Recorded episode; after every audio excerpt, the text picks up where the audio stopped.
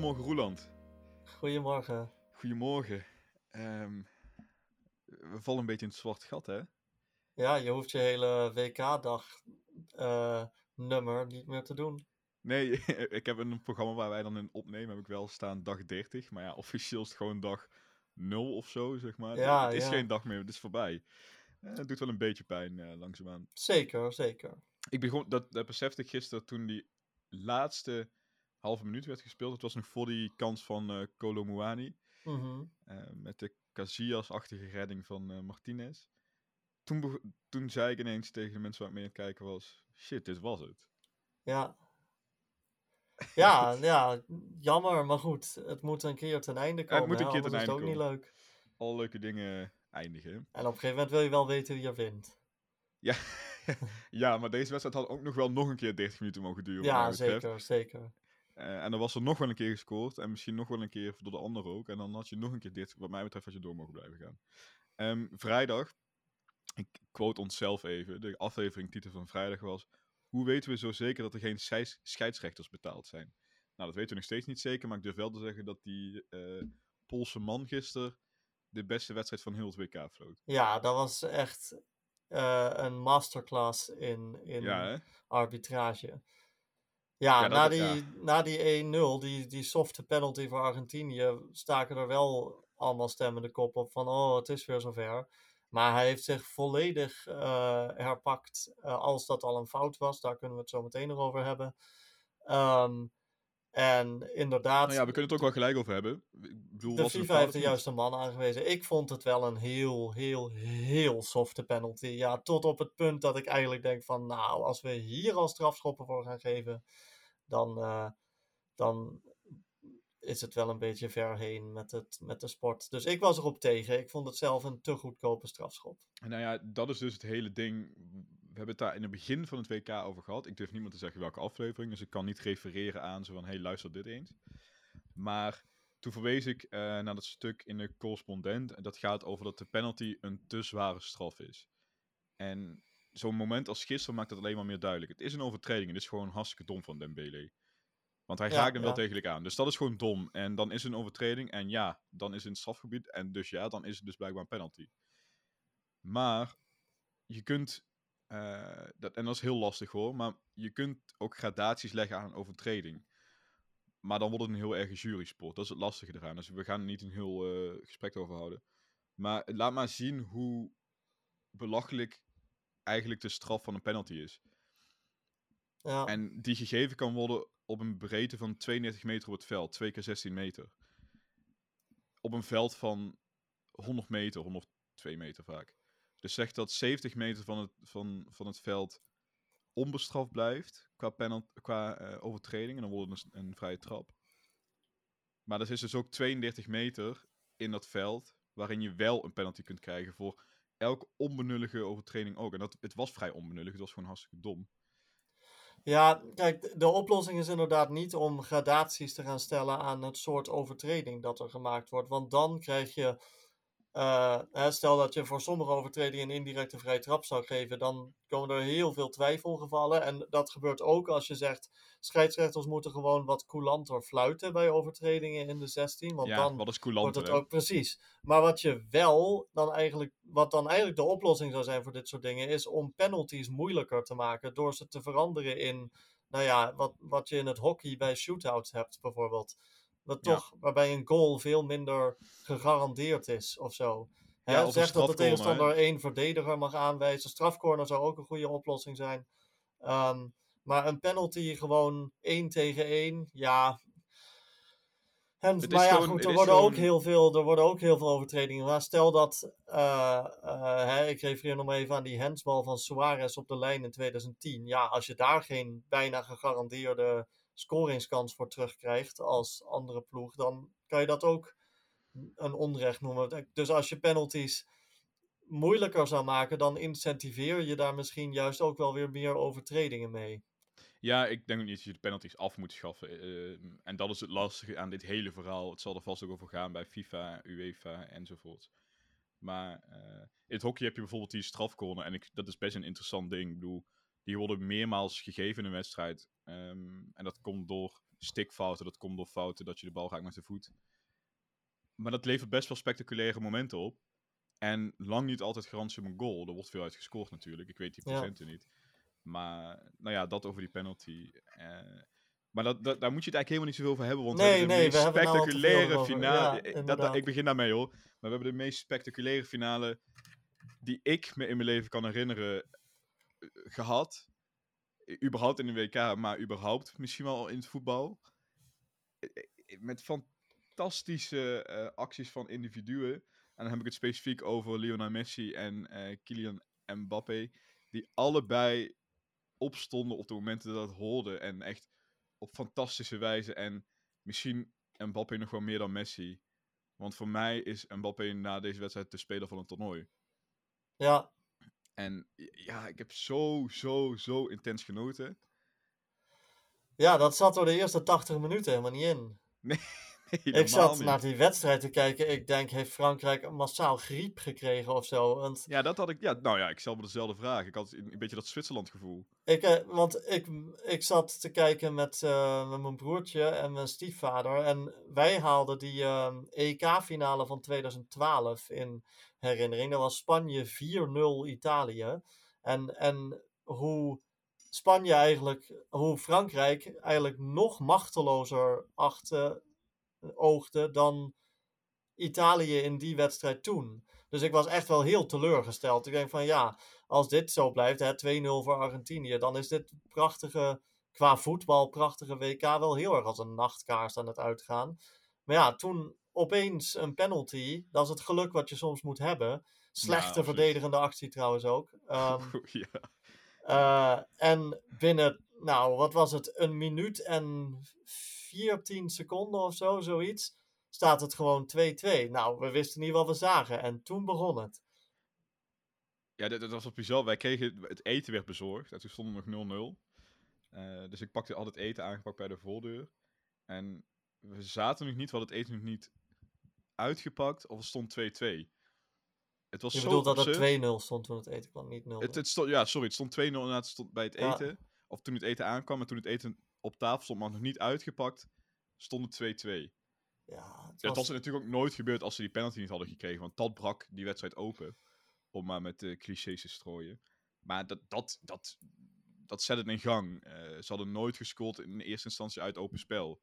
Dat kreeg je omdat je toen ineens die volle druk kreeg. En dan na dat fantastische schot van Mbappé. Ja, het is bizar. En ehm, Frankrijk werd eigenlijk gewoon voor het eerst echt tactisch uitgedaagd dit WK. En dat legde eigenlijk heel de, de, de, de zwakheid van Deschamps, legde dat, de bondscoach legde dat bloot. ja, Want daar, daar, daar komt gewoon totaal op tekort. Dat werd deze wedstrijd echt heel erg duidelijk. ik vond het een eh, finale die heel erg. Dat was eigenlijk een beetje een miniatuurversie van dit hele WK. Op een bepaalde Ja, manier. Super, ehm eh, super mooie counter goals. Als je daarvan houdt. Ik hou daar zelf wel van. Nou, dat had deze finale te over. Nou ja, als je ehm, er niet van houdt, dan leer je er maar van houden. Want het is echt, dat is Het was een lust voor het oog. Ja. Drie penalties die erin gaan. De helft van de goals werd uit strafschoppen gemaakt. Dat is ook wel typisch, want er zijn veel penalties gegeven op dit WK.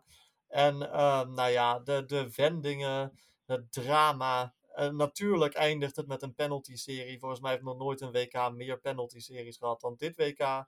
Ehm, en, eh, En weer ja. met een rol voor de keeper op, in die penalty-serie. Je hebt wel eens penalty-series die gaan volledig aan allebei de keepers voorbij. Maar ik heb het gevoel dat we elke penalty-serie tot nu toe die we gekregen hebben, hebben de keepers invloed op gehad. ja, nee, zeker. Het was echt eh, het was fenomenaal.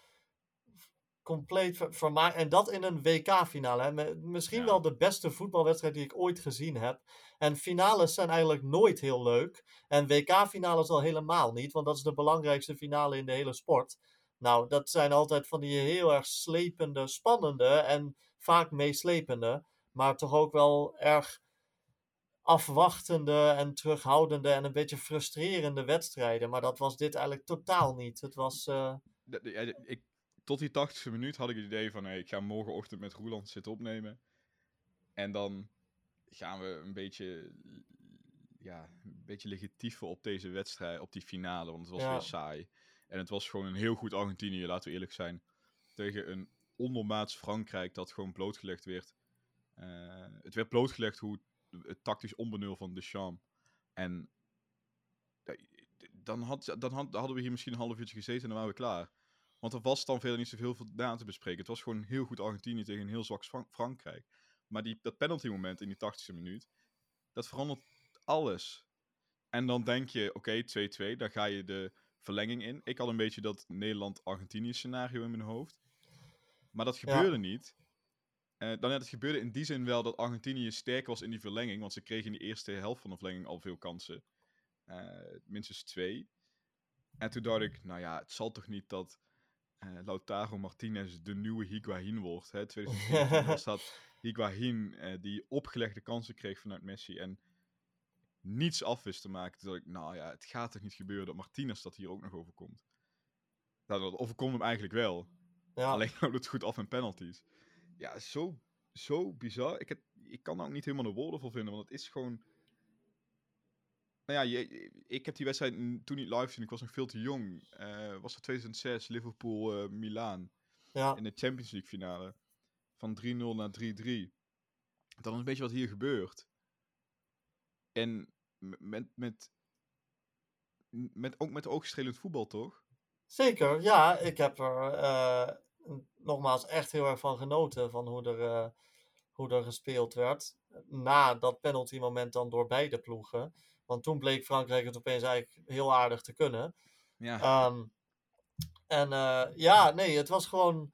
Het, ik ben zo blij dat dat nog gebeurd is. Want een slechte finale kan wel een beetje een stempel drukken op een toernooi. Ik bedoel, weet je dat, Ja. hè, dat Champions League seizoen 2018-2019, het meest waanzinnige Champions League seizoen ooit. Met die 3-4 bij Manchester City tegen Tottenham, Tottenham. Hotspur. Of 4-3 was dat dan eigenlijk. En dan eh, Ajax in de laatste minuut eruit. Die remontada van Liverpool tegen Barcelona. En toen kregen we die kutfinale in Madrid. Liverpool-Tottenham. Super saaie wedstrijd 2-0. En dan zit je toch achteraf een beetje van... Ja, hebben we hier nou naartoe gewerkt? Met al dat spectaculaire voetbal. Dat had ik ook wel tot aan die 80ste minuut een beetje. Maar... ehm, eh, en ik had ook bijna het idee van... Ja, maakt het Frankrijk gewoon minder uit of zo? Omdat ze vier jaar geleden al kampioen geworden zijn. Het leek... Het was op een gegeven moment ook zo'n paas van Varaan op, volgens mij was het Oh, Koundé, ja. die gewoon over de zijlijn liep. En Deschamps, die, die, die, hij was echt boos gewoon. En dat, ik als, als neutrale toeschouwer, want ik was eigenlijk best wel neutraal bij deze wedstrijd. Ik, ik wilde gewoon wat meer spektakel zien. En ik, ik was echt wel een beetje aan het schelden daarom. Dus eh, hartelijk dank voor dat slechte verdedigende werk. En eh, die penalty die eruit viel, waardoor de wedstrijd helemaal opengebroken werd. Ja, het was fenomenaal. Beste, beste wedstrijd die ik ooit gezien heb. Ja, ik weet niet of ik dat vind, maar eh, het, label finale zit hierop. En Ja, nou, dat speelt bij mij ook wel mee. En dat speelt dan heel erg mee, dus dat maakt het inderdaad wel zo. Want Ajax Ehm. Tottenham is anders misschien wel de beste wedstrijd die ik ooit gezien heb. Maar ja, de, het, omdat dit de finale van het WK was, dat, dat drukt toch wel een stempel. Ik vind trouwens wel ironisch dat twee van mijn favoriete voetbalwedstrijden ooit wedstrijden waren die in 3-3 eindigden en waarbij Frankrijk uiteindelijk na penalties verloor. Ehm, dat is een toevallig, eh, toevalligheidje. Maar eh, ja, nee, sowieso. Dit is de wedstrijd die ik, eh, die ik het langst ga koesteren in mijn leven, denk ik. Ja, en ook gewoon nog terug gaan zien. Ja, Zo'n, die, kun je gewoon terug, die kun je gewoon opzetten. En dan eh, die eerste 80 minuten van de film denk je van, oh ja, dit was het en dit was het. En dat prima. En dan doe je tussendoor nog wat dingetjes. En dan vanaf de 80ste minuut ga je er gewoon weer lekker voor zitten. En dan duurt het nog een uur. Eh, ja, dat is gewoon heerlijk. En ehm, we hadden het net over die griep bij Frankrijk. Eh, hebben ze nou griep of wat hebben ze nou precies? Dat was dus niet het geval. Eh tenminste, ik heb er niets meer over gehoord. Maar je zag wel, ik heb zelden iemand. Het leek alsof hij aan het janken was, maar hij was gewoon op adem aan het komen. Van Raan op die achterlijn. ja, Eh, toen hij gewisseld werd, hè, hij belandde buiten het veld. En toen werd gelijk maar die wissel doorgevoerd. ik zag het, En hij ja. zat op, op handen en knieën zat hij te schokken, letterlijk naar adem te happen. Nou, dat liet de in- intensiteit van die wedstrijd zien, maar de, ook de intensiteit van het toernooi. En ook nog dat hij griep heeft gehad. Dat, ik, begon gewoon medelijden te krijgen met die, met die man. Hij heeft echt geen medelijden nodig. ehm Rabiot had hetzelfde. Die wel, die, ik herkende die gozer trouwens helemaal niet toen hij zijn, toen hij zijn haar los had. Ja, ja, ja. Terwijl ik, wie loopt die? Is dat Quendouzi? Die is dat is precies wat ik ook dacht. Dacht, die heeft toch een iets donkerdere huidskleur. Wat, wat zeg ik nou Ja, naar te ik-? Maar- ja, is het Guendouzi, Ja. hè? En waarom wordt, wordt er niet gefloten? Want Guendouzi wordt altijd uitgefloten. ja. En toen dacht oh, dat is Rabiot. The fuck? Dat, hè? Eh, die zag er ook helemaal uitgepijkerd uit. Die was op, die was gesloopt. Ik vond dat, dat, dat was zo'n mooi beeld. Dat liet heel erg zien hoe zwaar en onderschat zo'n toernooi eigenlijk is qua intensiteit. Maar twee vraagjes. Want waarom had Argentinië dat dan niet? Is dat omdat zij één rustdag meer hadden? Nou ja, ik, weet, ik heb niets gehoord over griepjes bij Argentinië. En Rabiot is letterlijk ziek geweest in die halve finale. En Van Raan is daarna ziek geweest. Ehm, ik, heb daarbij, heb je, ik, ik heb bij Argentinië Nee, niet zoveel Nou ja, oké. mijn, mijn tweede vraag dan. Als er toch niet bij de finale zelf nog iets van, van ziekte in de ploeg speelde, waarom haal je Giroud er dan af in de 40ste minuut? Ik snap Ik. Dembele, die speelde echt een rukwedstrijd en gaf natuurlijk ook die penalty weg. En met 2-0 achter in de WK-finale moet er iets gebeuren. Ik snap ook dat je als coach een statement af wil geven. Dus dat je, sorry Ousmane Dembele, maar dat je hem eraf haalt, begrijpelijk. Maar Giroud, dat, dat zat ik wel even met, met, moest even in mijn ogen wrijven of ik het wel goed las. Nou ja, je, het werd duidelijk in die 40 minuten stonden twee wissels klaar. En toen begon we speculeren natuurlijk al in de Ja. huiskamer. Zo van, oké, wie gaan er nu af? Dembele en... Ja, ik dacht, gaat hij er misschien een verdedigende middenvelder afhalen, Rabiot of zo, zodat ze meer aanvallend kunnen spelen. Maar ik had nooit verwacht dat hij Giroud zou wisselen. Nee, ik ook niet. Dat is bizar beeld ook, hoe je hem van het veld af ziet druipen. En niet Ja, eens ik kon dat niet zo, helemaal goed inschatten wat, wat hij voelde op dat moment. Want ik Nee. kan me voorstellen, als je in de WK-finale, terwijl je echt een goed toernooi gespeeld hebt, van het veld wordt gehaald, en dat in de 40ste minuut. 40ste minuut, dat je dan daar wel een mening over hebt. Maar hij leek, hij leek bijna een soort van, ja oké, eh, het is dus toch helaas nodig of zo. Ik, het was, was raar. Of dat, het, dat hij dat zelf al heeft aangegeven dat we dat gemist hebben. Ja, Ik weet het niet. Of hij gedraagt zich gewoon ontzettend professioneel. Hij is natuurlijk ook best wel oud intussen. Eh niet meer de jongste van die ploeg. Ik- nee, bizar, redelijk bizar beeld. Want hij, inderdaad, hij reageert er niet op. Ehm, nou, hij reageert erop door nog gewoon aan de kant te lopen. Deelt wat tikjes uit op de bank, eh, op de handjes. En gaat zitten. Ja, maar het enige, vlak daarna, na die wissel, kreeg Frankrijk eigenlijk het enige moment waar ze iets uit hadden kunnen halen in die eerste helft. Namelijk een indirecte vrije trap van Griezmann. En die nemen ze dan op zo'n manier dat ik denk, ja, zo moet je hem dus nemen als je Giroud voorin hebt staan. Niet, eh, maar niet als je hem eraf gehaald hebt. Dan moet je toch iets anders verzinnen. Nou ja, het liet ook, eh Giroud liet ook zien tot wat hij in, in staat is. Want in de eerste helft, of nog voordat hij gewisseld wordt, krijg je twee vrije trappen achter elkaar van Frankrijk. En dan vliegt hij zo over die eh, twee Argentijnen heen. Ja, Eh, dat wordt uiteindelijk afgefloten voor een overtreding vanuit hem. Ehm, maar dat laat zien waarom, waarom hij ook op het veld staat, toch? En dat, ik, dat hebben meerdere mensen herhaaldelijk geroepen van... Ja, nu krijg je zo'n voorzet. Maar ja, zet je Ruda neer. ja. Hoekschoppen ook. En dan heb je kans. En nu, tuurlijk heb je jong- lange jongens erin staan. Maar hij is een specialist. Hij is niet voor niets spits. Als je fitheidsproblemen hebt in je ploeg, dan is toch je, je targetman spits, die het grootste deel van zijn energie kwijt is aan posities kiezen en tegen ballen aanschieten, toch wel eigenlijk wel de laatste persoon, naast je keeper dan, die je eraf moet halen. Ja, nou ja, Giroud is zo goed. Omdat hij precies weet waar hij elke keer kan gaan staan. Ja, En is vaak schat hij het dan nog net wat verkeerd wa- waardoor hij het met een bicycle kick moet doen of met een scorpion kick. En scoort hij de mooiste goals ooit. dat is een beetje het verhaal van Giroud. ja. Maar dat is precies waarom die jongen toch in het veld en Precies waarom hij zo waardevol is. Nou moeten we wel zeggen dat Kolo Muani wel een van de beste spelers op het veld Ja, was, nadat hij gewisseld werd. Maar dat blijft, het blijft een riskante gok van Deschamps. Colomouani viel fantastisch in. Maar heb jij Touram gezien? Amper. Ja, Eh, ik Heel heb- weinig. Ik heb niet het idee gehad dat hij het veld op is gekomen. Nee. Het, dit is leuk voor de statistieken. Want het is de eerste keer dat zowel een vader als zoon in een WK-finale heeft gestaan. Ja. Dat is een leuke statistiek, maar dan houdt het verder mee op. Want die, die jongen Nee, die was, die was anoniem. ja, die was volledig anoniem. Maar inderdaad, Colomouani. Nou ja, en Colomouani mist in de 123ste minuut nog die kans. Ja, dat is het Arjen Robben moment van dit WK. Ja, en nog spectaculairder, hè? nog zwaarder. Want het, is, het gaat echt om de dying seconds. Het is Ja, dat letterlijk, was volgens mij stond er... 20 seconden op de wereldbeker geweest. Als Ja, dat was gewoon de beker. Dat was gewoon daarna afgefloten. Maar vond je hem slecht ingeschoten? Nou, ehm, ik zag op een gegeven moment nog een foto. En dan zie je dat links ook nog iemand rent. En ik weet dan niet of het Thuram of Mbappé is. Ik denk Mbappé, want die zal er wel staan. Mhm.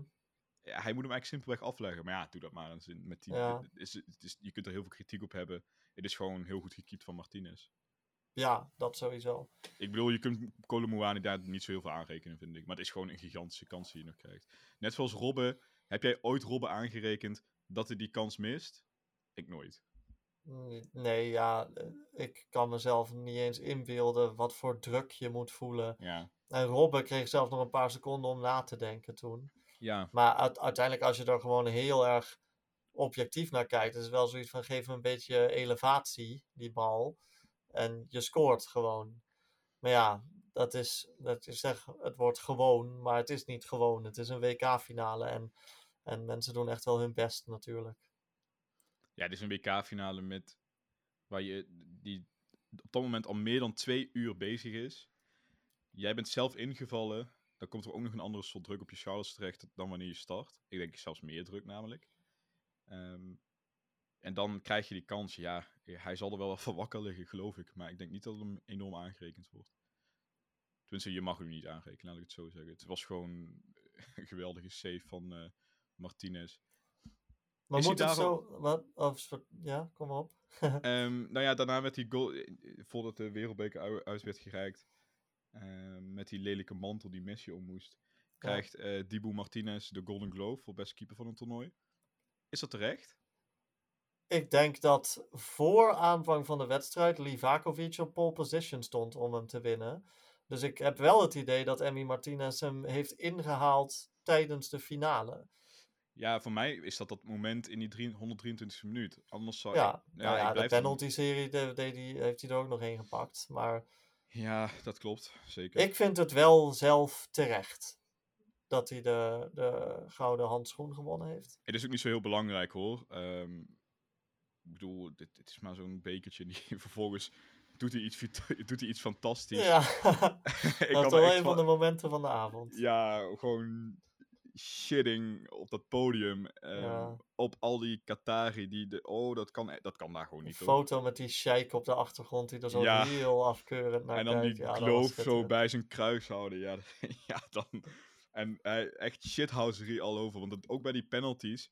ehm, niet, degene, niet de penalty die hij houdt, maar die naast wordt geschoten. Dat zal die van Chouameni zijn dan. Ja, Ehm, hoe die daar dan met zijn schoudertjes zo ook danst. ja. Ik doe het niet voor eigenlijk, jou na. eigenlijk een ontzettend vervelend kutjoch. Die Ja, hele Hij is Martinez. verschrikkelijk. Hij is Verschrikkelijk. verschrikkelijk. Maar Hij is een verschrikkelijk. onmiskenbaar fantastische keeper.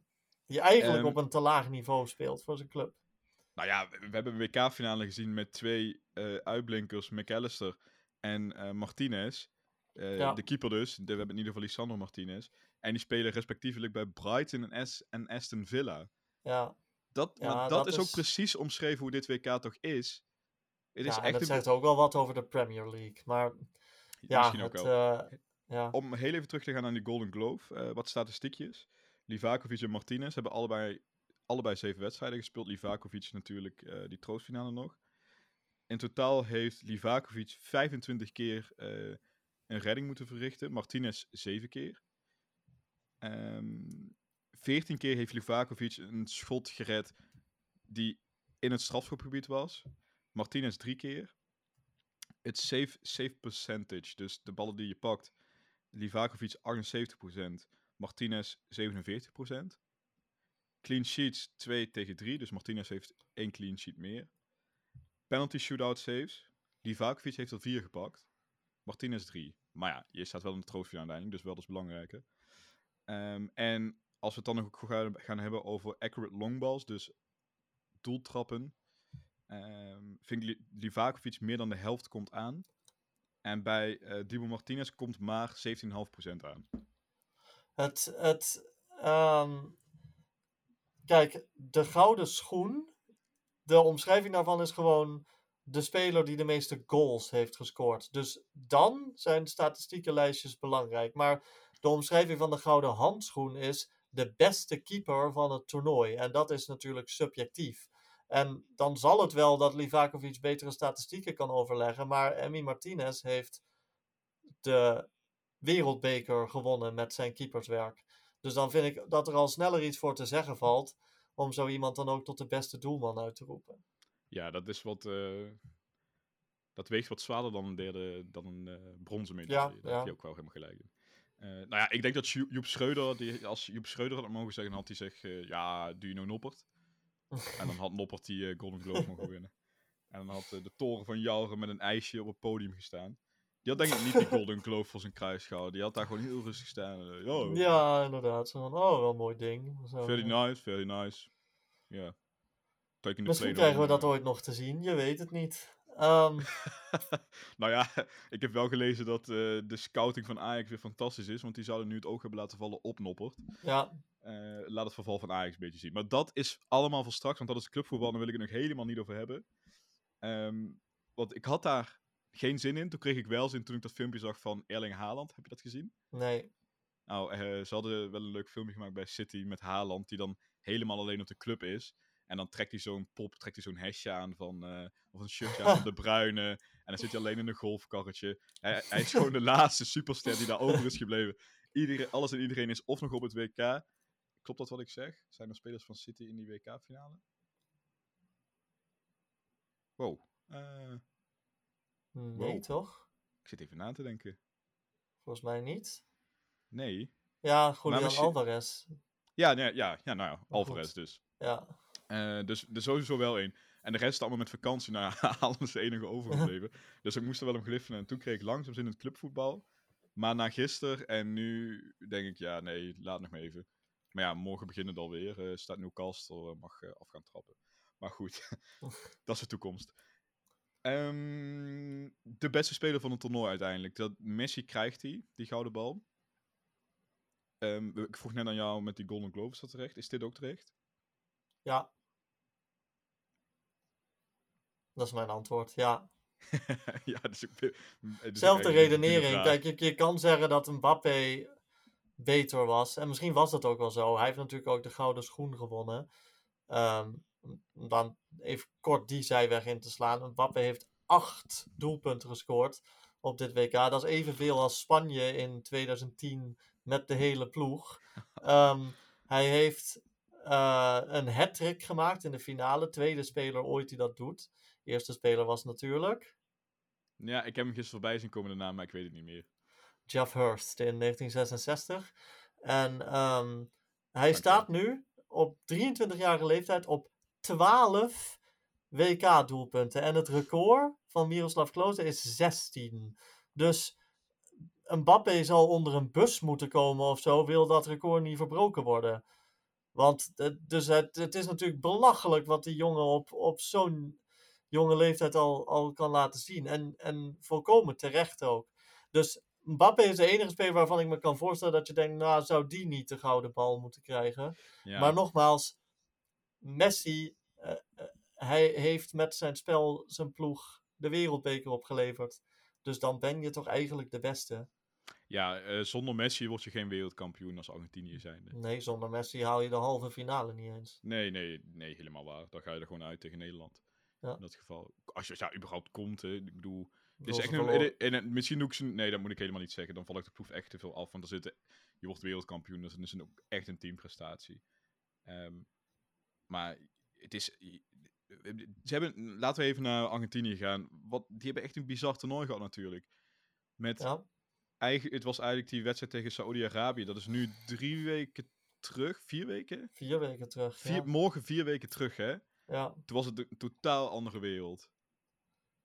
Ja, toen, ehm, eh, toen had volgens mij iedereen die, op Ar- die Argentinië vooraf als kampioen had aangevinkt, zoiets van, ja, hallo, Ja. wordt het nou dit? Als je dan eh, inderdaad eh, had gebed, bijvoorbeeld bij Toto of wat dan ook, een van de gokkantoren, zo van, hey, Argentinië wordt wereldkampioen. En je kon je 5 euro nog uitcashen en dat was dan 3 euro, had, hey, hebben ze er een hele Ja, ja, dat van, ja, dan, dan maar die 3 euro, eh, dan maar 2 euro verlies. D- het was eigenlijk wel eh, vervlogen, die hoop. Nou ja, dan krijg je vervolgens die wedstrijd tegen Mexico, die is do or die. Die eindigt in 2-0 en een beetje een schopwedstrijd ook. eh, vooral aan de kant van Mexico. En die wedstrijd in mijn herinnering, dat was op zaterdagavond toen, was ook gewoon niet goed. We winnen Nee, dat terecht. tegen Mexico was een, eh, een eh, behoorlijke anti-voetbalwedstrijd. Ja. En daar, daar miste Messi ook die penalty, hè? Eh, nee, dat was tegen Polen. Dat was die belachelijke Ah, strafschop waarbij eh Chesney hem in zijn hoofd tegen zijn hoofd raakte. toch? Die heeft hij toch gemist uiteindelijk? Ja, ik zit te denken of die tegen wie die, die penalty nou mist. Maar dat zal, ik geloof je hoor, dat zal dan inderdaad... Ja, want Ochoa heeft ook wel een penalty gepakt, maar dat was van Lewandowski in de eerste wedstrijd. Er waren heel veel gemiste penalties op dit WK. Ja, inderdaad. Ik heb hier ook nu mijn notities. Eh, die 2-0 tegen Mexico was inderdaad het schot van Messi buiten de 16. En die eerste goal van eh, Enzo Fernandez. Ja. En ik heb geen gemiste penalty. Dus dat zal dan tegen Polen zijn. Maar het was wel een wedstrijd waarin ze ook geen indruk misten te maken. Nou, vervolgens krijg je die wedstrijd tegen Polen, de laatste groepswedstrijd. Die was best aardig. Ja, de- en vooral vanaf die laatste 20 minuten Ja, het was, ook die wedstrijd was redelijk moe. Nou ja, die winnen ze uiteindelijk best ook wel degelijk. En daar begon het eindelijk ergens op te lijken. Nou, dan krijg je die achtste finale tegen eh, Australië. En daar begon het steeds meer ergens op te lijken, maar ook nog niet, toch? Ik kan nee, niet- want uiteindelijk hebben ze nog bijna een gelijkmaker moeten slikken in die, eh, Oh, in inderdaad. slotfase. Ja, Met die jongen die met die, eh, met die Messi-slalom eigenlijk. eh, ja en 2-2 tegen eh, die, ehm die Kwol, dat grote Australische talent, die ook nog opeens een bal voor zijn voeten krijgt. waar Ja. Martinez reddend voor moest optreden. Dus dat zag er qua voetbal misschien wel een beetje flitsend uit. Maar het was verdedigend behoorlijk shaky. Nou, toen kwam die kwartfinale tegen Nederland. We weten allemaal wat daar gebeurd is. Ja, we weten, eh, nou ja, het, het, redelijk zelfde soort scenario's. Ze staan ook met 2-0 voor. Ja, Dus we maken eigenlijk tactisch gezien Nederland eh, kapot. In die zin, Nederland komt niet aan het voetballen toe. En dat is echt de verdienste van Argentinië. En dat Ja. toch laten ze Nederland volledig terugkomen in dat spel. Ook door eigen fouten, vind ik eigenlijk. Eh, en dan wordt het verlenging. En daarin zijn ze gewoon beter en winnen ze met penalties. En terecht. Eh, maar dus, er begonnen gewoon wel in dat toernooi spelers op te staan. Je had Enzo Fernandez, die was, stond vrij vroeg op. In principe nog geen, niet eens basis in het begin, later wel. Nou ja, die wint uiteindelijk ook eh, talent van het toernooi, die, eh, die trofee. Ik weet niet hoe, hoe dat heet. de, de Young- Young Player Award, Young volgens Players. mij. Ja, nou ja, terecht. Meer dan terecht. Eh, opvolger van Mbappé. Die staat op, maar je hebt verschillende spelers. McAllister staat ook echt op hier in het team. Ja, En eh, degene die het allerbelangrijkste is opgestaan, Rodrigo de Pol. ja de, de, van hem had ik het van tevoren wel kunnen verwachten. Want dat is natuurlijk Ja. echt wel een heel goede speler. Ik vond zelf, ik wilde rechtsback eh Nahuel Molina ook wel eventjes een shout-out geven in dat opzicht. Want die ehm, is toch een van de meest anonieme spelers uit het elftal. Maar die heeft ook wel echt zijn, eh, zijn stempel weten te drukken. En dat is inderdaad gaandeweg dat toernooi zo gelopen. En ja, het kwam in die halve finale eigenlijk al samen. En nu in de finale ook weer. Ehm, een zwakke schakel hier toch wat tussen. Die had ook net zo goed rood kunnen krijgen. Paredes weer, hè? Ja, Dat is toch een debiel, zeg. ja, nou zo ziet hij er ook wel uit. Ik vind dat hij ontzettend enge ogen heeft. Dat heb ik al een keer eerder gezegd. Maar Ja, maar dat heeft Dibu Martinez ook. Ja, ja zeker. kijkt dwars door je heen, hè? De, nee. Gewoon een enge gast. Ehm, maar ik denk dat hij niet zo gek is in zijn kop als dat Paredes is. Die, tik, die, die komt weer het veld en die maakt gewoon weer een belachelijke tackle. En ik weet niet meer op wie dat was. Nou ja, die maakt in ieder geval, in ieder geval een belachelijke overtreding. Ja, dat, dat- een van die zwakke schakels. Volgens mij was het Fofana waar die eh, zo harde tackle op. eh, Nee, het zal vast. ehm, Het is wel weer heel typisch, ja. Ja, dit, dit is belachelijk. Ehm, uiteindelijk zie je, ik las vanochtend, en voordat wij begonnen, dat eh, een stukje over die scheidsrechter op VI, van hoe goed dat was en er werd de buitenlandse media aan aangehaald.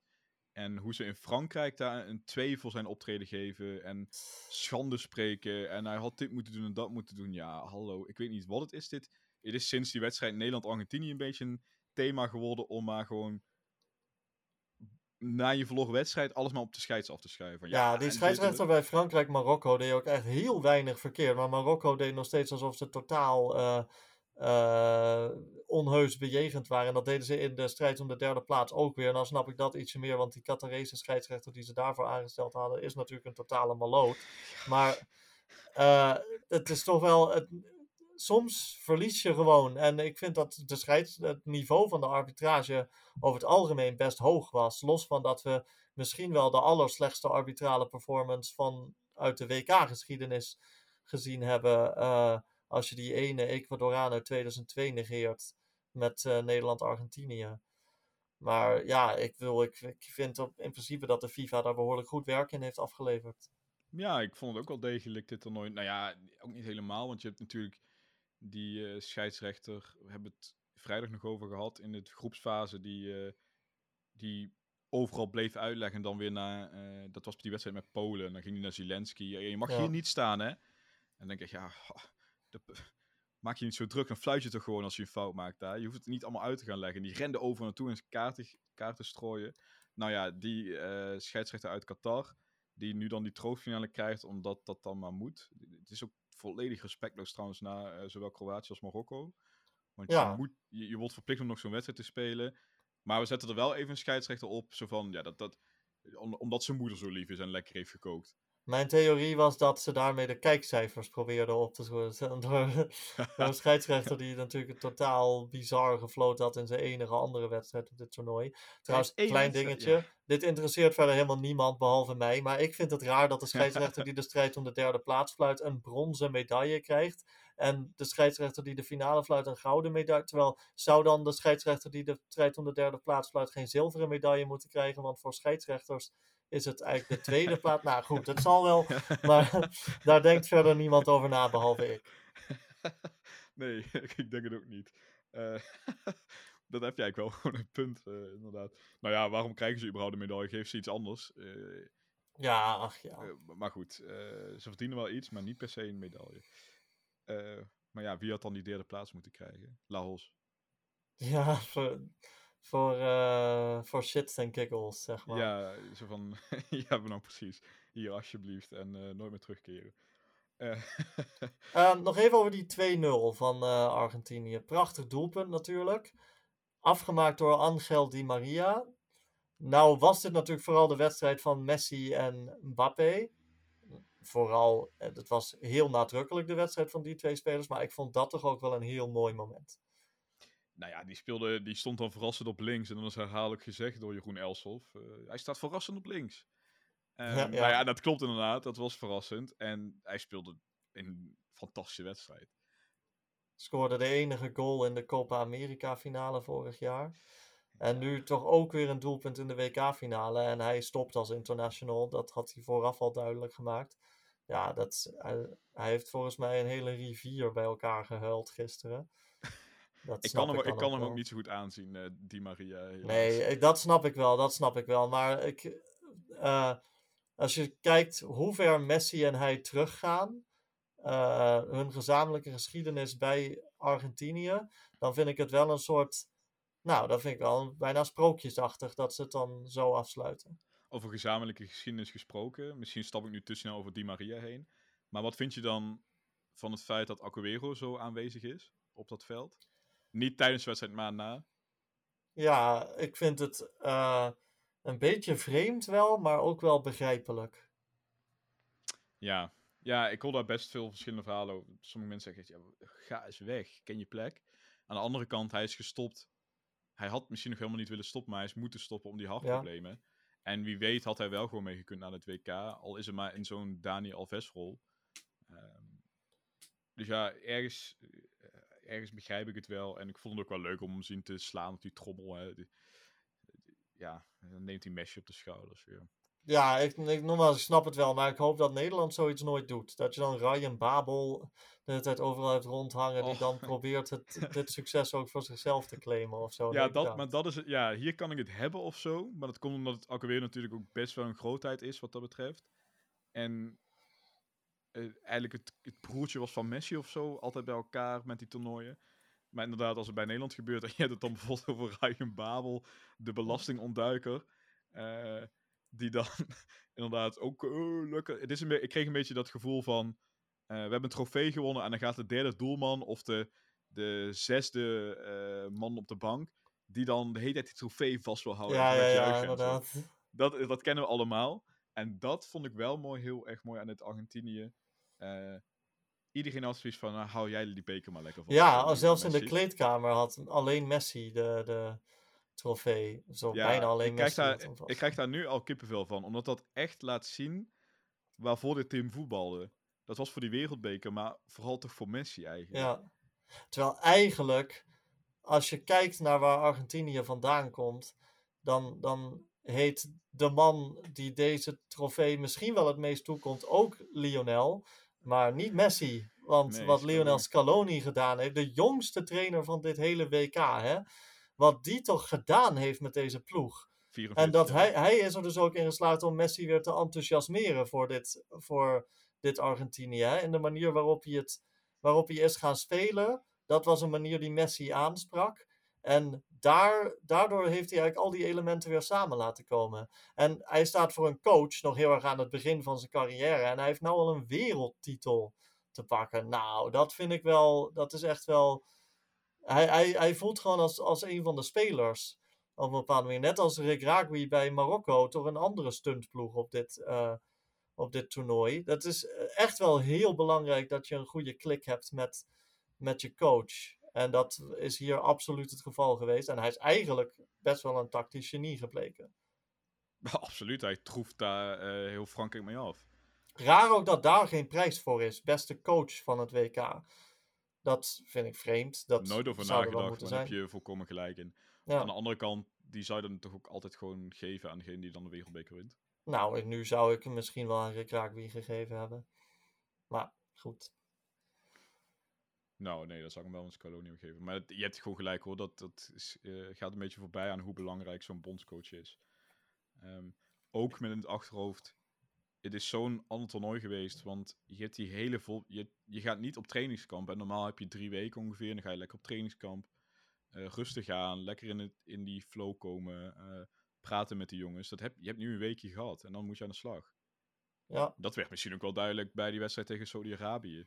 Die dinsdag, de eerste van Argentinië. ja, toen moesten de puzzelstukjes nog gelegd worden. Ja, Natuurlijk. Ja. dat was nooit. Dat was, ik ben er echt van overtuigd, dat was nooit gebeurd geweest als jij gewoon drie weken op trainingskamp was. Nee, dat denk ik ook niet. En nog twee Los van dat Saudi-Arabië echt wel een goed, goede ploeg was. eh, eh, Zeker. op dit toernooi hoor. Maar ja, dat, eh, dat, dat merkte je er inderdaad wel in. Had jij op het moment dat de scheidsrechter floot voor strafschoppen ook maar op enig moment de twijfel dat Argentinië zou winnen?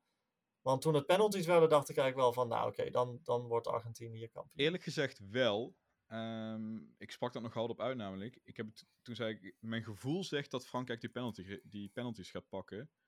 Eh, of de, de winst gaat pakken via penalties. Even helemaal weg van Lloris.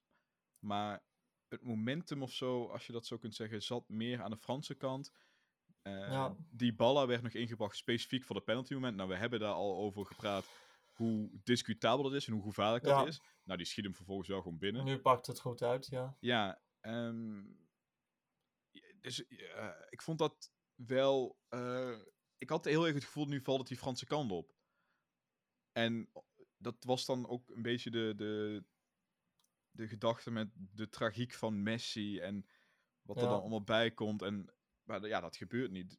Na die eerste twee penalties of zo had je wel gelijk het gevoel, want je zag gewoon Van Hooydonk sloeg daar de, de spijker op de kop. Loris kiept maar half. Voor de, voor de verandering sloeg Pierre van Hooydonk de spijker op de kop. Ehm, ja, maar een beetje... Ja. Sorry. Nee, is niet erg. Ehm, die, eh, die had dan wel gewoon een punt. Zo van, ja, hij keept maar half. En dat was best wel duidelijk, want eh, die penalty, ik weet niet, dat was een van de laatste penalties. Het was de voorlaatste volgens mij van Argentinië. Martinez had die bal wel gewoon gehad. Maar Loris duikt niet eens met zijn arm of zo. Hij, hij, mijn vriend, en een vriend van mij omschreef het als, eh, hij gaat als een soort zak aardappelen naar de grond. Ja, Nou, dat Maar- gaat nog maar- sneller. Hoe kan dat eigenlijk? Dat sommige keepers he- heel goed zijn in strafschoppen pakken en andere totaal niet. Is dat gewoon iets wat. wat is het op een gegeven moment alleen nog maar een mentale kwestie. Dat als je er toevallig op het begin van je carrière een paar pakt, dat je dan het vertrouwen begint te krijgen van hé, hey, ik kan dit. En dat je daar dan een penalty killer wordt, puur omdat je jezelf ervan overtuigd hebt. En dat als je altijd naast de bal grijpt, dat je dan op een gegeven moment zelf ook gaat denken van nou ja, dit kan ik gewoon niet. Penalties pakken. Het, want Joris is toch een uitstekende doelman. Waarom zou hij dat niet kunnen? Waarom zou hij geen strafschoppen kunnen pakken? Ik denk dat je over de spijker op de kop gesproken hebt, dan doe je dat nu. Ik denk inderdaad dat het gewoon een mentaal ding is. Ik denk niet dat de een daar beter in is dan de ander. Ik denk dat dat puur onzekerheid is of juist heel veel zelfvertrouwen. Ja. Sillissen kan dat ook niet. En dat komt gewoon omdat die jongen totaal geen zelfvertrouwen uitstraalt. Dat ziet een speler. En Sillissen begint dat zelf te merken. En je, keept, je kunt het gewoon vervolgens niet. Nou ja, de, Joris heeft hetzelfde. Je ziet ook gewoon... Heb je zijn gezicht gezien in die hele penalty-reeks? Dat mhm. straalt niets uit. Dat straalt niets ja, uit het was, van, nou, dit eh, gaan we doen. En dat straalt, straalt die Martinez wel uit. We hebben inderdaad Martinez en Livakovic gezien op dit toernooi. Die allebei op het moment dat er penalties komen, dan lopen ze gewoon zo rond van, oh, oké, nou, dat doe ik wel even. Of zo. Ja. ja. dat is toch wel, dan lijkt het me toch iets mentaals. Maar Frankrijk, eh, waren die strafschoppen nou heel slecht? Uh, nou ja, die van Chouameni gaat naast. Ja. Uh, dus ja, dat is dan een slechte strafschop, ja. ja. En wie miste hem? Die uh, wie, wie, wie, werd hij gepakt? Jezus, ik zoek het gelijk even Zou je zien dat dit Turan was en dat we die dus zo onzichtbaar vonden? dat hij daarom... ik heb het erbij... Oh, Coman. Coman, ja. Ja, nou, ook een invaller, maar niet specifiek voor, die, voor de penalties, maar wel invaller. Uh, ik, daarom vond ik het ook heel knap dat Kolomuani, die legde gewoon wel aan van de penalty. Maar daar, bij hem in het hoofd, ik zei ja, ik zie hem ook wel missen, want bij hem in het hoofd zit natuurlijk gewoon... Ik heb die laatste kans, had ik gewoon moeten... Dat, dat zit er nog in je hoofd. Ik had dat af... Ik had, we hadden nu al klaar kunnen staan met die beker. En dan was ik de held geweest. Ja, dat, dat, is, uh, dat was een mentaal heel sterk van hem. Complimenten trouwens ook aan beide coaches dat ze gewoon hun beste penaltynemer de eerste strafschop laten schieten. Dat is de enige juiste manier om het te doen. Ja, eh, respectievelijk Messi en Mbappé. En, uh, ja. en Mbappé gewoon voor de derde keer aanleggen. Ja. En voor de derde keer in dezelfde hoek schieten. En voor de derde keer gewoon keihard raak schieten. Ik, je kunt... Ik probeer me dat... Ik wil me dat in kunnen beelden. Wat die druk is. Ja, maar uiteindelijk denk ik dat er bij strafschoppen nemen zo'nzelfde zo'nzelfde um, mechanisme gaat werken. Want je kan er heel erg wetenschappelijk over doen. Wat Van Gaal nu dus gedaan heeft, dit toernooi, zonder succes. Maar uiteindelijk, en ik snap dat Harry Kane een slecht voorbeeld is hier, omdat hij toevallig dan net die beslissende strafschop overschoot tegen Frankrijk. Maar hij ramt gewoon altijd de bal hoog in het doel. En bijna geen enkele keeper, ook al weet je wat hij gaat doen, houdt die bal eruit. Messi scoort bijna altijd vanaf de stip. Dat is gewoon, dat, als je weet dat je dat kan, dan ga je ook met veel meer vertrouwen achter zo'n bal staan. En iemand als Mbappé maakt het echt niet uit dat hij diezelfde keeper al twee keer eerder heeft, uh, heeft moeten verslaan vanaf nee, de stip. Die dat straalde hij ook uit. Maar je voetbalt dan, of je moet schieten richting het doel waar achter al die Argentijnen zitten. Nou, de andere kant op, voetballend was er misschien ook wel geweest. Ja. Want die zaten er echt uh, in grote getalen weer. Joep Schreuder had ze trouwens niet gezien. Maar ze zaten weer in grote getalen. Um, maar gewoon de, de druk van, ik moet het nog een keer doen. Weet een anderhalf jaar terug, uh, toen verneukte hij het. Uh, op het EK toen miste hij in die penalty shootout tegen, tegen Zwitserland. Nee, ja, ja, tegen Zwitserland. Ja, Zwitserland, hè? Ja, wel tegen Zwitserland. En dan heb je er al twee ingeschoten. Dan heb je al die gigantische druk gehad. En dan staat hij vervolgens weer in die strafschoppenreeks. Met een gezicht alsof hij net is ingevallen. Hij oogt totaal niet moe. Nee, inderdaad. En dan, ja, ik, en misschien je hebt het gelijk. Dat zal ook weer dat mentale dingetje zijn. Maar ik vind het zo ongelooflijk knap dat je dat met 23 jaar kunt. Ja, dat is waanzinnig knap. En geweldenaar, Mbappé, die zich absoluut in het rijtje beste voetballers ooit gaat voegen aan het einde van zijn carrière. Ja, dit, we hadden, je begint je een beetje af te vragen, kunnen die records ooit verbroken worden van uh, Messi en Ronaldo? Ja, dat kan natuurlijk, want het zijn niet van niets. Zij hebben het bereikt, nou dan kan iemand anders dat ook bereiken. Het is gewoon een beetje de vraag, kan Mbappé ook zo lang dat volhouden zoals Messi en Ronaldo dat hebben gedaan. Dat is natuurlijk het knappe aan die twee. Ze hebben dat zo constant gedaan, jaar in, jaar uit. Ook met geluk, want blessureleed, het was, dat was gewoon niet groot. Nee, klopt. Ehm, en dat, is, dat maakt je misschien ook wel zo goed, hè? Dat, dat onderscheid je als voetballer zijn. Als jij dat ook allemaal kunt oplopen, dan ben je gewoon gemaakt voor het spelletje. En dan, dan heb je gewoon, dan valt altijd alles je kant op. En dat is ook gewoon een klasse eh, apart. En dat, dat zal de vraag zijn, kan hij dat eh, volhouden? Ik denk dat er weinig landen geweest zijn in de WK-geschiedenis die de finale verloren hebben en daar toch zoveel vrede mee gehad zullen hebben. En natuurlijk was Frankrijk vier en dan heb ik het niet over de spelers, maar over de mensen in het land. Frankrijk is natuurlijk vier jaar geleden al wereldkampioen geworden. En het is lullig voor spelers als Chouameni, die daar toen niet bij waren, dat, ze, dat die nou niet ook een keer een wereldtitel hebben gewonnen. En ze zullen absoluut gebrand zijn geweest om hem te winnen. Maar ook in Frankrijk hoorde je toch heel veel mensen zeggen van ja, Messi verdient het om een keer wereldkampioen te worden. Terwijl als het andersom was geweest, nou, ze zouden in zak en as hebben gezeten bij Argentinië. Argentinië had een eh, week land. van rouw af moeten, kon, Ja. moeten kondigen. Dat is toch wel een verschil. En wat dat betreft is het de rechtvaardige en betere uitkomst dat Argentinië gewonnen heeft. En Argentinië gaat dit nooit kunnen prolongeren. Die gaan, dat, dat nee, gaat dat kan ik me ook niet voorstellen. En ja. Frankrijk weet, over vier jaar, ja, sta, eh, sta je gewoon weer in de finale. Ja, dat zou zomaar kunnen. Frankrijk heeft zo'n diepe talentenpool dat Ja, Dat is een, een. En ze hebben een formule nu. Wat blijkt uit het feit dat ze in vier van de laatste zeven WK-finales hebben gestaan. Die gewoon werkt en die ook future-proof is. Dus Frankrijk heeft zich, is zich langzaamaan aan het melden als een constante factor voor in de toekomst. Ja, die hoeven niet te wanhopen omdat ze deze finale verloren hebben. Nee, absoluut niet. Maar moet je dat dan zonder de Cham gaan doen of met? Eh, ik zou er vrede mee hebben als de Sean nog tot en met het volgende EK doorgaat. Dat is toch een prijs die hij nog niet gewonnen heeft. Ik, dat zou ik nog wel snappen, maar ik vind wel dat je richting het volgende WK toe iemand anders de, de kans zou moeten geven. Ja, daar zat ik me wel bij aan. Je kunt dat niet nog een keer doen. Want het, weer, eh, het is razend knap wat hij heeft gepresteerd. Eh, zoveel finales gespeeld met dit Frankrijk. En dan kun je zeggen, ja, maar dat moet ook, want kijk die selectie. Maar je kunt, zet daar Robert Maaskant voor en je, je vliegt elke groepsfase al uit. Ehm, dat zal Robert Maaskant trouwens niet zo denken. Maar tactisch werd hij nu wel afgetroefd gewoon in die finale. Dat heb ik nu al een paar keer benoemd, maar dat is wel echt het geval. Ja, nee, is ook zo. daar wordt gewoon zijn zwakte blootgelegd.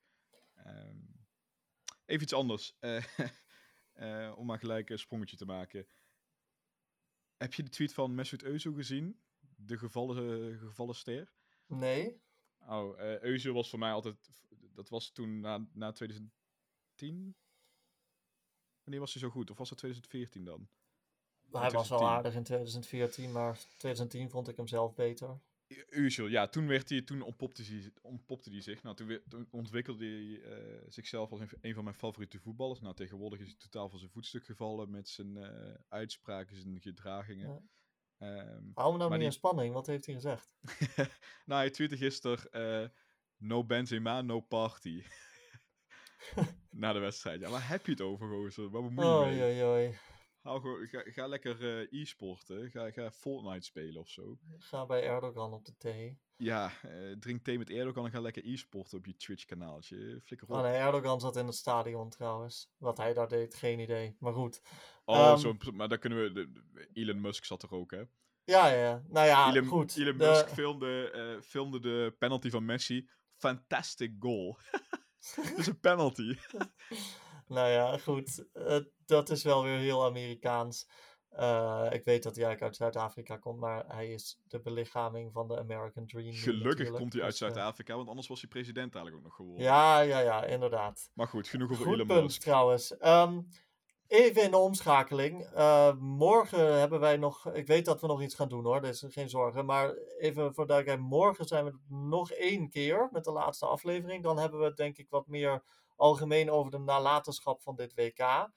En over het toernooi als geheel. Dan kunnen we het ook over de rare fratsen van die Emir hebben, bijvoorbeeld. Waar ik nog veel over te zeggen heb. Maar dat bewaar ik dan wel voor morgen. Ehm, om het. eh, om het echte puur voetbalgerichte aspect van deze podcast af te sluiten, hebben we een ehm, team van het toernooi samengesteld, allebei. Hè? Ja, ehm, en we hebben dat met de groepsfase ook gedaan. Ja. Laten we het gewoon op dezelfde manier doen. Eh, gewoon per linie even kijken van, hey, waar verschillen we in? Waarom heb je diegene daar staan? Ehm, ik heb daar een team staan waarin na zo'n finale kun je wel zeggen, ja, moet dat dan nog? Maar ik blijf er wel bij. Wie Ik heb twee vragen vooraf. Nou. Welke, welke opstel, welke eh, formatie heb jij gekozen? Ja, we hebben inderdaad bij de groepsfase hebben we dat wel afgesproken. Zullen we dit allebei aanhouden? Ehm, dat hebben we nu niet gedaan. Ik heb er wel over nagedacht, ga ik jou dat nog laten weten? Maar ik denk, nee, laten we gewoon onze eigen gang gaan. Ehm, Hmm. ik heb voor de standaard, eh Nederland, ik ben gewoon lekker Nederlands, eh, 4-3-3. Oké, ik heb 3-5-2, lekker Nederlands. Ehm, en eh, staat er één speler, eh, minimaal één speler in jouw elf die niet de halve finales gespeeld heeft? Staat hier een speler? in? Eh, Ja. Nee. Dit Heb zijn allemaal spelers die ja, cool. allemaal minstens een halve finale hebben gespeeld. Ja. Nou, ik ben doen benieuwd. Morgen doen we trouwens ook nog een team, maar dan meer een team van algemene indrukken en jongens die dan niet in het team van het toernooi thuis horen, maar wel Ja, noemenswaardig zijn. eh, spelers die indruk hebben gemaakt. Om een voorbeeld te geven, ik, ik licht al van zijn tipje van de sluier, Dumfries, omdat met dat hele eh, verhaal van een psycholoog en dat gewoon lekker eh, op straat gooit, zo'n team samenstellen. ja, Ehm, op doel, ja, ik ben voor Emmy Martinez gegaan. ja, en dat is misschien ook wat terecht. Ehm, ik ben voor Bounou gegaan. Ah, Oké, ja, ja. Gebaseerd ook op het feit dat je tot die halve finale geen doelpunt tegenkrijgt, behalve die, eh, die, eh, dit- dat, dat eigen doelpunt. En natuurlijk krijg je er uiteindelijk wel nog vier om je oren. Twee tegen Frankrijk, twee tegen Kroatië. Maar die heeft op mij echt een onuitwisbare indruk Ja. Bono was fantastisch. Ja. Ik vind het een volkomen begrijpelijke Maar keuze. overal gezien moet je inderdaad misschien gewoon voor uh, Martinez gaan.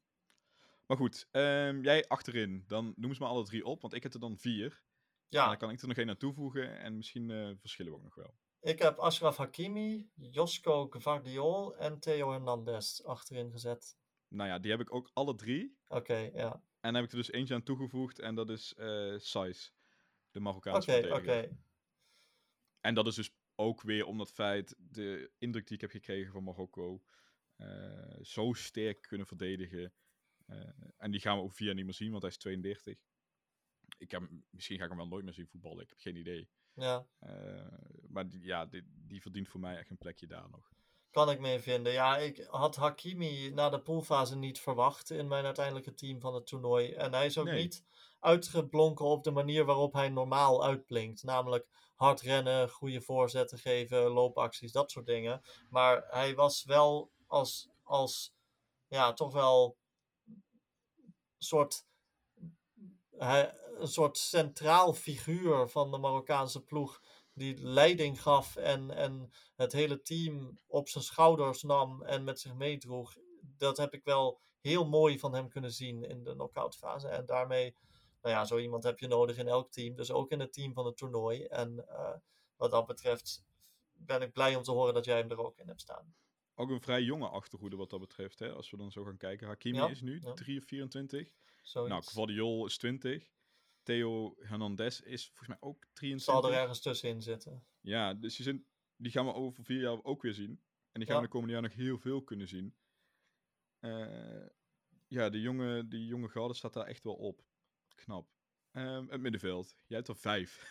Ja, Eh, ik drie. Eh, zal ik even van beginnen, dan kun jij er nog twee toevoegen? ja begin of, jij maar. nou ja, als verdedigende middenvelder. Ik kan gewoon niet om die jongen heen. En ik, ga, ik kijk zo uit naar waar die eh, heen gaat straks. Naar Fiorentina. En dan weet je het al, Amrabat. Zeker. Die hoort hij gewoon thuis. De andere twee zijn eh Fernandes. En dan heb ik het over de Argentijnse Fernandes. Enzo. Ja. Eh, dus we hebben het al benoemd. De talent van het eh, jongste talent. Of hoe heet die award nou? Nou, in ieder geval die trofeeën op kunnen halen samen met de wereldbeker. Heeft het Argentinië echt beïnvloed, echt veranderd. En door hem begonnen te mede te draaien. En de ander, en na de finale gisteren kun je zeggen, er hoort hij niet meer in thuis. Maar mede door hem staan, stonden ze wel in die finale Griezmann. Ja, ik heb eh, twee van die drie spelers ook. Wie mist er? Ik heb Enzo Fernandez er niet ingezet, omdat ik eigenlijk toch Luka Modric beter vond. En omdat Fernandez wel centraal op het middenveld acteert.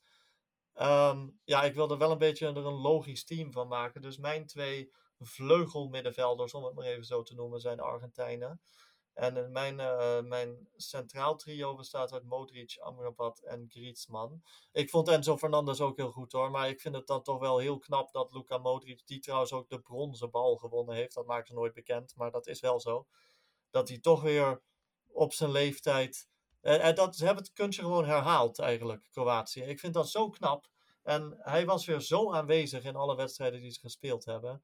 Ehm, ja, dus ik, eh, heb hem, ik heb dat toch gehonoreerd met een. eh, zal hij heel blij mee zijn dat ik hem in mijn team van het toernooi heb staan.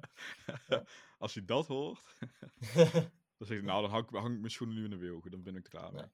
Maar je buitenste middenvelders dan? Rodrigo de Paul en Alexis McAllister. Ja, terecht. Ik heb ze allebei niet bij, maar eh, in een andere opstelling had ik dat wel degelijk gedaan. En dan vooral inderdaad eh, de Paul. Die, eh, ja, door hem ging, me- kon Messi dit doen.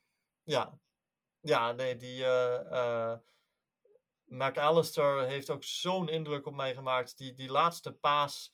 Bij die, bij die 2-0 van Di Maria ging alle aandacht uit naar dat tikje van Messi. Wat natuurlijk ook prachtig was. Maar eigenlijk was die laatste paas van McAllister op Di Maria de belangrijkste zet van die hele aanval. En ja, dat was perfect uitgevoerd. Zoveel energie bracht hij ook met zich mee. Hij heeft een doelpunt gemaakt in de poolfase. Wat hem helemaal toekomt. En eh, eh, ja, heel knap wat je zegt. Een speler van Brighton dan toch in de ploeg die wereldkampioen wordt. Zo'n onomstreden positie voor zichzelf krijgt. En Rodrigo de Paul was de, de paas- en overzichtskoning op het middenveld. Eh, en nou ja, ze zijn wereldkampioen. Dus hij verdient het alleen maar om in, eh, om in die opstelling te staan. Ja, de adjudanten wel eh, vanuit het middenveld voor Messi. Ja, absoluut. Ik hoef denk ik niet uit te leggen wie mijn twee spitsen zijn. Hè. Mag ik het gokken? Dan mag jij. Eh Mbappé en Messi. Correct. Kijk, Ja. nou die staan er bij mij ook inderdaad. En ik heb er dus nog één extra als echte centrale spits. En dat had ik eigenlijk vrijdag ook al verklapt. eh, Julian Alvarez. Ja, goede, eh, keuze. We hebben het over adjudanten, maar ook hij speelde zo in het belang van Messi. En deed dat zo goed, verrichtte ongelooflijk veel werk. Werd daarvoor eh, ook en- beloond door Messi. Zeker, ja, zeker. Ehm, en uiteindelijk heel veel werk verrichten, maar ook nog scoren vier keer uiteindelijk. Ja, die heeft eh, een fantastische indruk op me gemaakt. En die wil ik elke week zien voetballen. Maar dat gaat dus niet gebeuren, want hij heeft Haaland voor zich staan. Ja, en eh, hij zal daar wel een mooi salaris verdienen. Dus ik moet nog maar zien of die, eh, of die ergens anders naartoe gaat. Ja, Maar hij zit ook pas willen. net, hè? Ja, hij, zit nee, er, klopt. hij zit er net zes maandjes, dus ja, die, die blijft daar echt nog even hangen. Nee, sowieso niet deze winter. Eh, op Nee. zijn vroegst zou er dan komende zomer iets moeten gebeuren. Ja, en dat gaat City gewoon niet toestaan. Nee, dat, dat is een beetje een. Gabriel eh Jesus. Hey. Hey, in die hebt het 13 dagen. eindelijk geleerd. ja. Eh, eh, verhaal, die, die moest tijd ook op de bank plaatsnemen achter toen Aguero. Nou ja, eh, weet je, hij is nog jong, dus over vier jaar kan het ook nog. En dan eh komt het maar goed. Nou, we, komen redelijk overeen eigenlijk.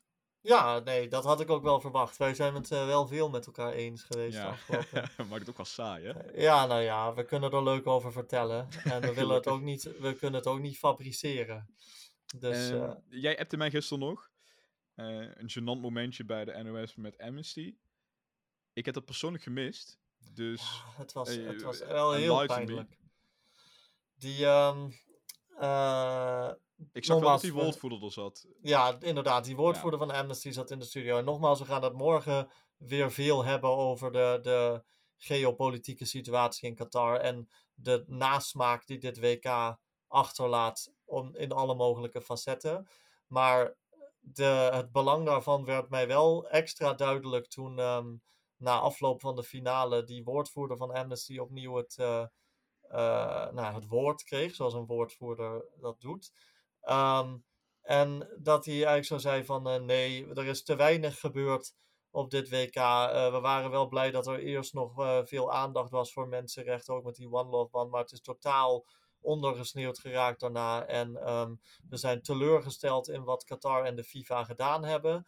Ehm, eh, ze hadden ook voor zichzelf goede PR kunnen leveren door nou echt de, de schaduwzijde van dit WK bij de horens te pakken en te zeggen van we gaan hier echt werk van maken. Maar dat is niet gebeurd en het is uiteindelijk toch gewoon een soort campagnefeestje van de Qatarese overheid geweest. Dat was eigenlijk wat hij zei. En Sjoerd van Ramshorst schakelt meteen over met zoiets van... Uh, ja, ja, oké. En hij richt zich tot zijn tafelgast en zegt... Maar qua voetbal hebben we een fantastisch WK gehad, toch? En ik zat er echt naar te kijken met dat schaamrood op mijn kaak. En ik dacht, kerel, dat, dat meen je niet wat je nou doet. Ja, dat, als dat het niet illustreert, precies wat die man net vijf seconden daarvoor had aangekaart, dan uh, het was heel pijnlijk om te zien. Maar waarom zit zo iemand niet gewoon aan tafel? Er zitten toch vier. Uh, ja, dat was ook. Hij moest ook, hij mocht ook even vanuit het publiek zijn uh, perspectief geven. Dat was ook raar, ja. Dus je, je hebt vier voetbalkenners dan aan tafel zitten, plus, tafel zitten, plus Sjoerd. Haal daar nou ja, vier voetbalkenners. Dan... Dus de Spanje-correspondent Edwin Winkels zat ertussen. Met alle respect naar Edwin Winkels, maar wissel die even om met die woordvoerder van Amnesty. Ja, dat, ik begreep dat ook niet. Dus haal, waarom zat Edwin er überhaupt voor Messi? Nou ja, van, voor Messi, ja. Oké. Ja, die, die begon ook een heel onsamenhangend verhaal over... Terwijl ik Edwin eigenlijk best wel hoog heb zitten. Ja. Die begon een heel onsamenhangend verhaal over Mbappé en Messi, Qatar. En dat... Niemand volgde dat verhaal meer. Ik, ja. ik, Hij had wel gelijk trouwens. Hij had zeker gelijk, maar verpak het iets beter en dan uh, breng je punt ook over. Want hij kwam echt niet uit zijn woorden.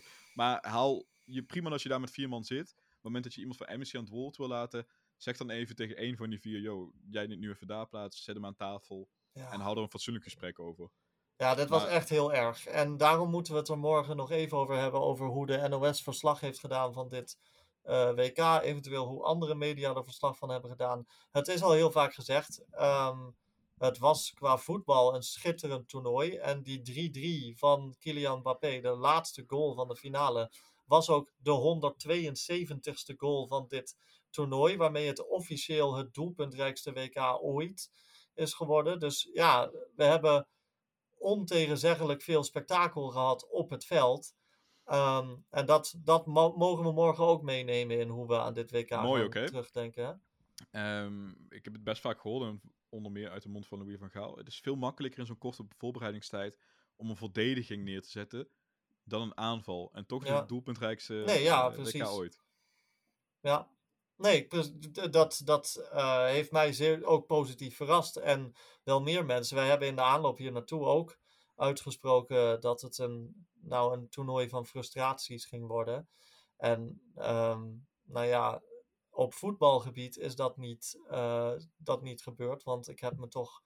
Mijn voetbalhart heeft zich wel vermaakt. Maar nogmaals, we moeten morgen um, Morgen gaan we het uh, nog even over zowel het voetbal als alles eromheen hebben. En dan ben ik wel benieuwd tot welke conclusie we komen. Want het blijft natuurlijk een heel raar, een heel rare situatie die we hier hebben mogen, waar we getuigen van hebben mogen zijn de afgelopen maand.